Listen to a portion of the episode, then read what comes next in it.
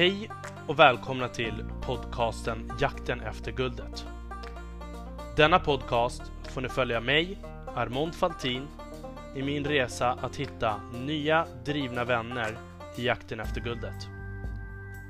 I denna jakt söker jag kunskap, nätverk och relationer. Jag kommer även dela med mig om mina egna tankar kring resan och ta upp aktuella ämnen som dyker upp på vägen. Häng med! Ingenting är omöjligt.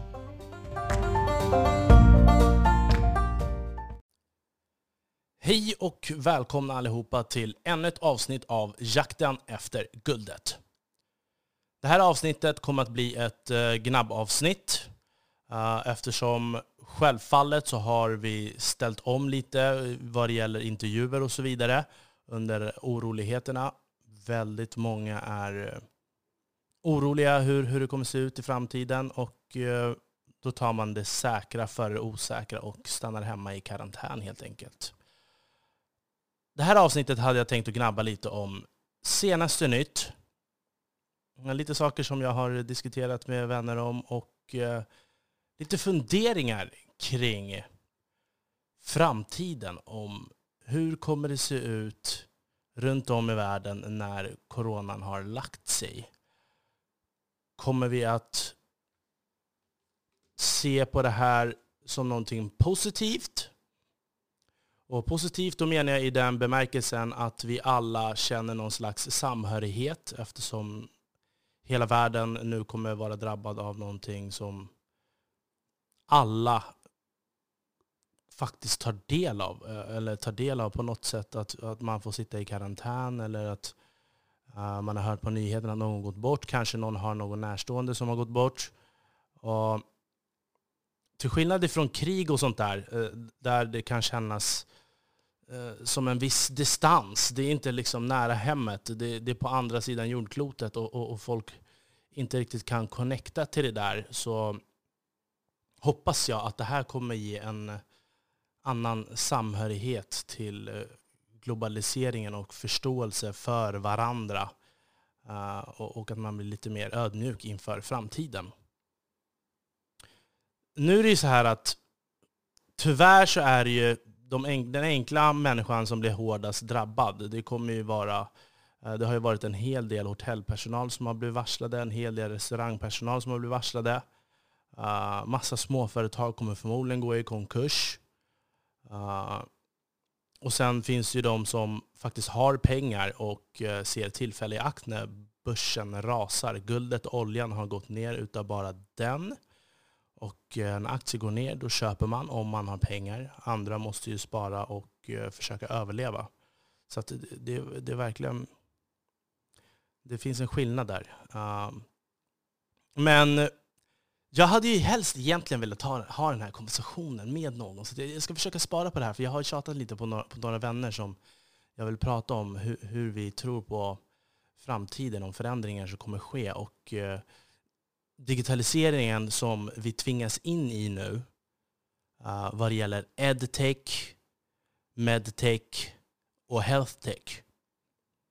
Alltså till exempel appar som Kry eller eh, träningsappar eh, eller appar där du ska utbilda dig som, så som i skolan och, och sånt där.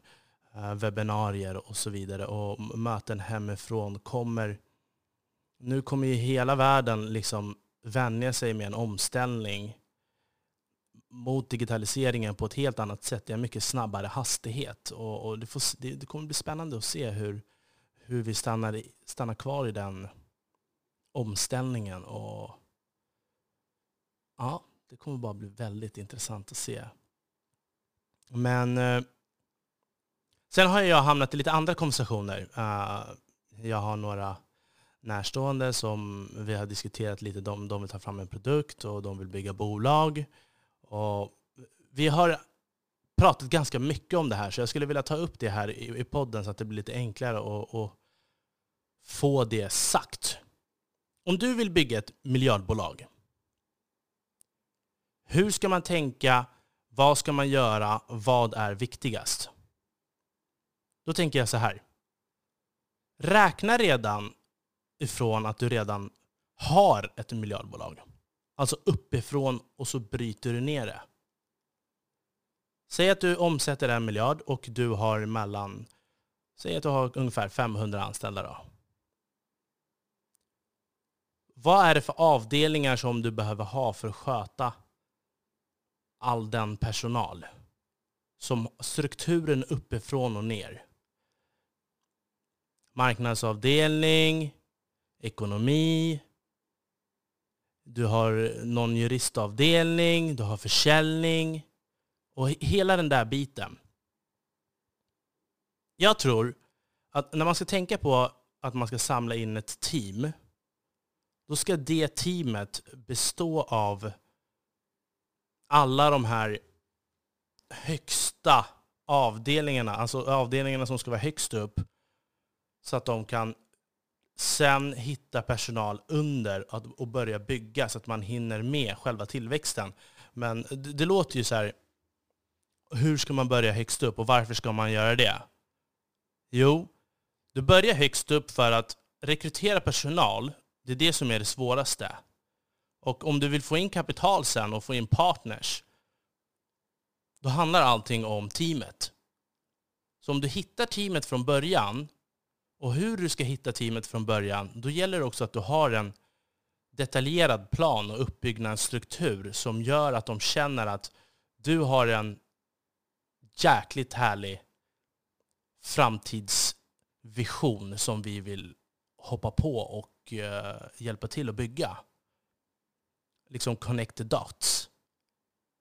Och om du då ska locka in människor som förmodligen är smartare än dig, för att det är det du ska ha. Alla ska vara smartare än dig och bättre än dig på eh, flera olika områden. Då måste du också ha en riktigt bra omvärldsbevakning. Varför är omvärldsbevakning viktigt? Jo, för att om du är en forskare som ska ta fram och alltså forska och utveckla på din produkt. I deras yrkesroll gäller att alltid ligga i framkant och hänga med hela världen i omvärldsbevakningen om, om liksom vad som är godkänt, vad som är nytt, vad som är bra och, och, och, och försöka ta fram någonting därifrån. Och, och, det gäller även om du är säljare eller om du är, uh, jobbar med marknadsföring. Alla de på topp har som standard att göra en omvärldsbevakning. Och om du har en riktigt bra omvärldsbevakning samt en bra uppbyggnadsstruktur detaljerat med siffror och omsättning break-even-nivåer. Där vad ni vet liksom, så här mycket behöver vi sälja. Och, och, och, en plan hur ni ska sälja, om ni ska sälja business to business eller business till consumer. Och hela den där biten. Och, och jag skulle säga så här, om man inte är bra på den digitala biten, fokusera på siffror. Även om du inte är bra på siffror, för allting handlar om siffror i slutändan.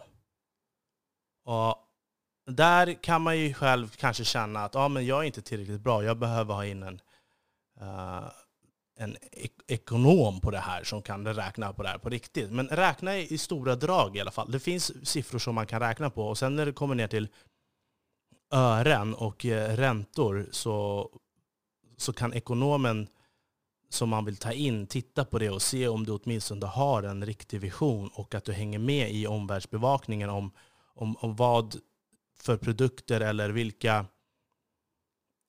tillvägagångssätt man ska agera efter och, och om det är hållbart eller inte.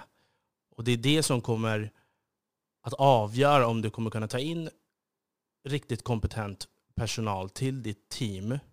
Då ska man heller inte se det som personal, utan Se det som att du lockar dina teammedlemmar. För när du har ditt team, då kan ni bygga på allting tillsammans. Och varumärket, det är också väldigt viktigt.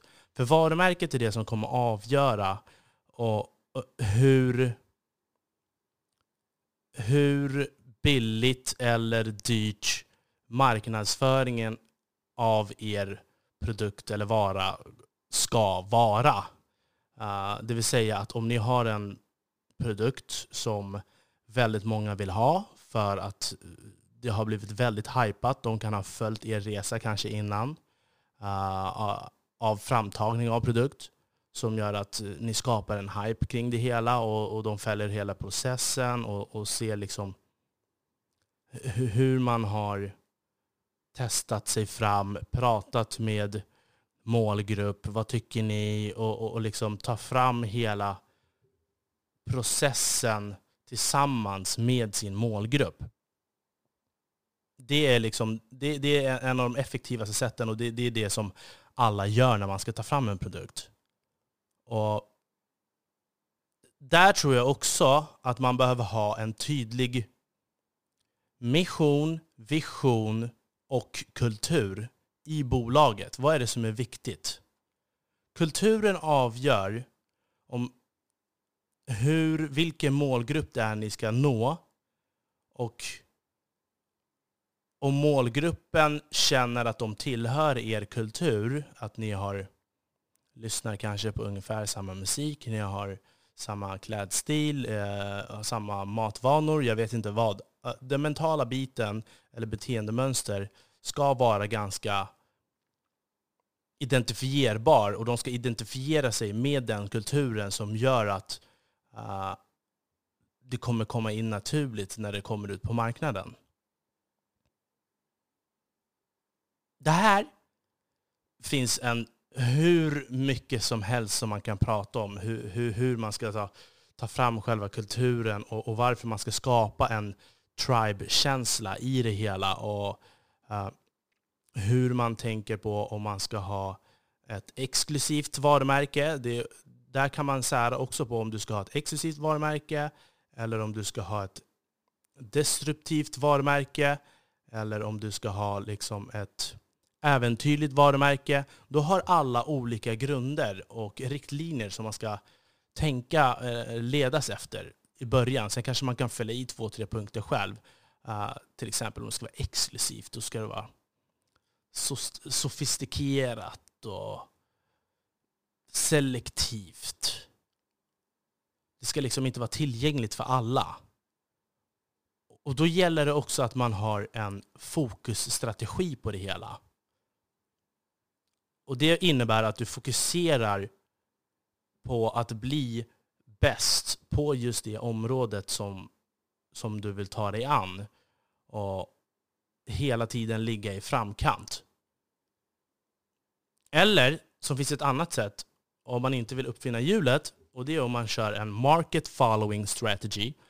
Och den strategin går ut på att du följer dina konkurrenter. Du gör en konkurrentanalys.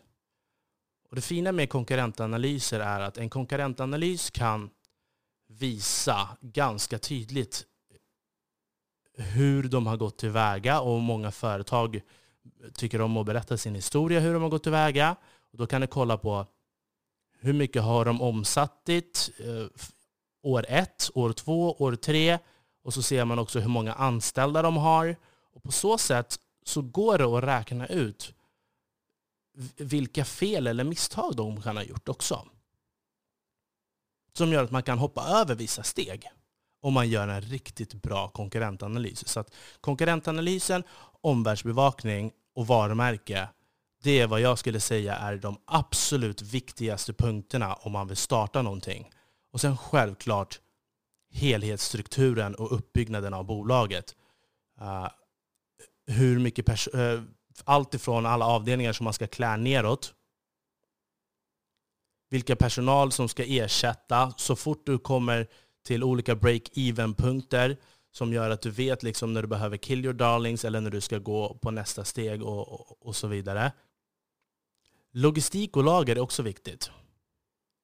För logistik och lager, alltså mängden, om ni har en fysisk produkt, då är det mängden och storleken på lagret som avgör hur mycket ni kommer att omsätta. Det vill säga, allting räknas alltid ut utifrån en pall. En vanlig europall som är 80 gånger 120 cm. Eh, centimeter. Och den pallen, tänk er till exempel som Coca-Cola. De har ju gjort smala burkar, smala avlånga burkar nu. Och förut var de ju tjocka, lite tjockare och rundare. De har gjort smala burkar nu, så som Nocco och Celsius har haft, på grund av att man får plats med mer burkar nu på en pall. Och hur många pall får man plats i en container? Som man sen ska skeppa över till eh, lager eller ett nytt land eh, och så vidare. Så att pallstorleken, hur mycket är pallen värd? Det avgör hur, hur mycket du kommer kunna sälja, var, hur mycket du måste sälja. Och sen, hur länge håller varan? Hur länge kan man använda varan? Är det en engångsartikel eller kommer man att köpa den en gång var tredje månad? Köper man den en gång varje dag? Och hela den biten. Alla de punkterna är jättebra att fylla i. Det här har varit någonting som vi verkligen har eh, diskuterat senaste tiden, för jag har några som kommer ta fram någonting riktigt spännande. Och sen så är det någonting annat som jag tycker är väldigt kul. Att jag vet att många, många tror ju på e-handel idag. Och jag har en liten annan syn på just e-handel. Alltså e-handel är ju på ett sätt det mest ohållbara och verkligen inte klimatsmart. Eftersom det är liksom någon som ska köra hem dina varor. Om jag, om jag ska gå till ICA och handla mat, då går jag till ICA och till min närbutik och handlar. Men om jag helt plötsligt ska beställa hem det, då är det någon annan som ska köra hem det. Chauffören ska ha betalt.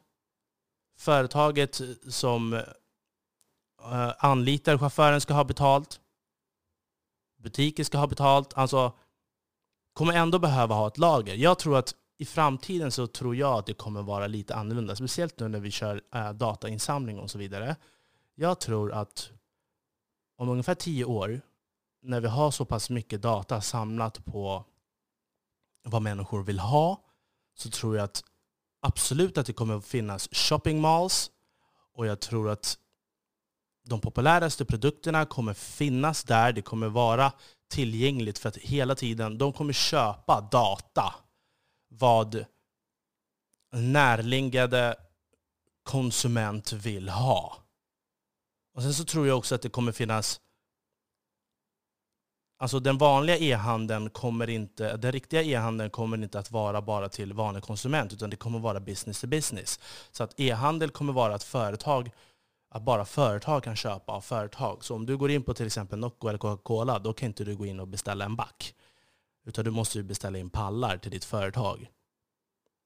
För det är egentligen det mest hållbara sättet. Och sen finns det ju andra anledningar också till det. Det är ju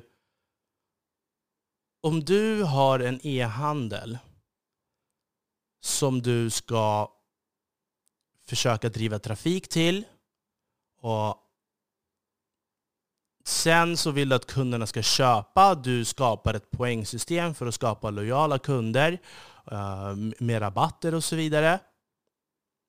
På det så finns ett litet bakslag och det är att så fort konkurrenten tar fram några andra rabatter som kanske är bättre på samma varor, då tappar du dina kunder eller så tvingas du att hela tiden dra ner ditt pris.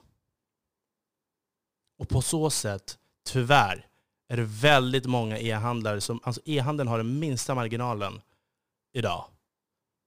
Och det är väldigt många som går under och jag tror att det är inga Mathem eller något av de här e-handelsbolagen, stora, går med riktigt stora vinster, utan det är små marginaler. De kommer gå med vinst när de tar över marknaden och köper upp småbolag.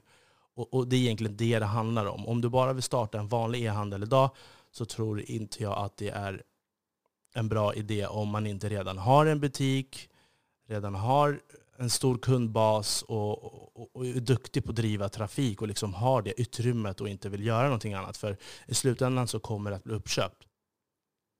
Och eh, sen så kollade vi också på um, den här dokumentären med uh, Jeff Bezos och Amazon.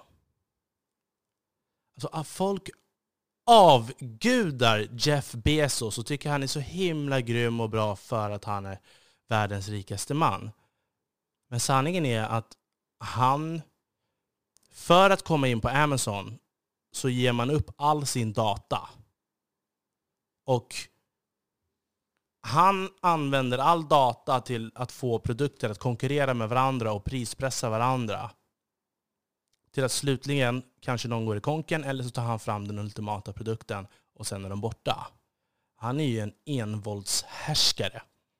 Och ibland kan man ju undra om man, om man tycker att det är okej okay eller inte. Och jag tycker det läskiga är när man eh, avgudar sådana här personer eller sådana här saker är att eh, nu är han bara en företagare, men vänjer man sig vid tanken med att en eller två eller tre personer kan ha en sån här makt över hela världen, hela världens ekonomi, det gör att man kanske vänjer sig med en annan tanke som är läskig sen när det kommer till andra bitar. Och det tycker jag faktiskt det, det, är lite, det är lite tråkigt. Och sen att han spenderar alla sina pengar på liksom rymden och, och hela den biten. Nej, jag tycker lite mer ansvar när det, när det kommer till de här bitarna. Och jag tycker att uh, om man vill starta en business, gör omvärldsbevakning. Där ser man, det, man kan se alla.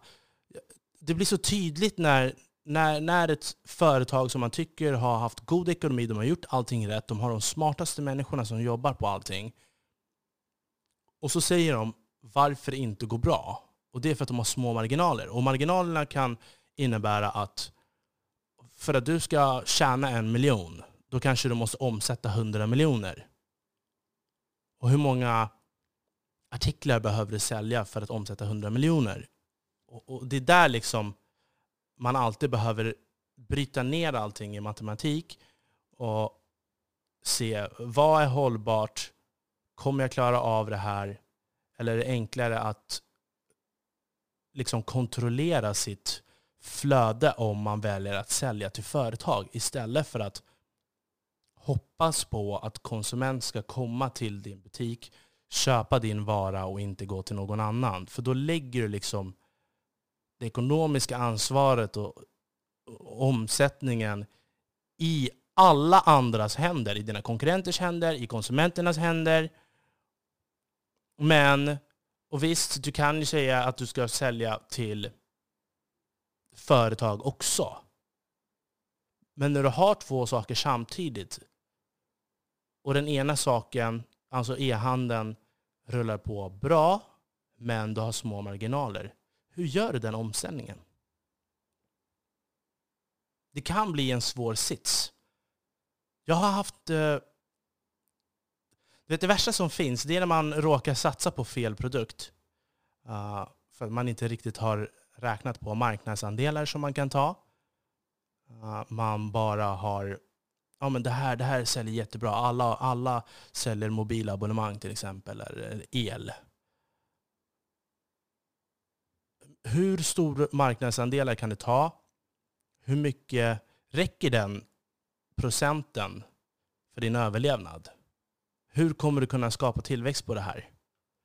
Behöver du slå om? När du har ett stort kontor eh, med ett stort antal eh, säljare och du har en marknadsavdelning, du har ekonomer, du har kundtjänst.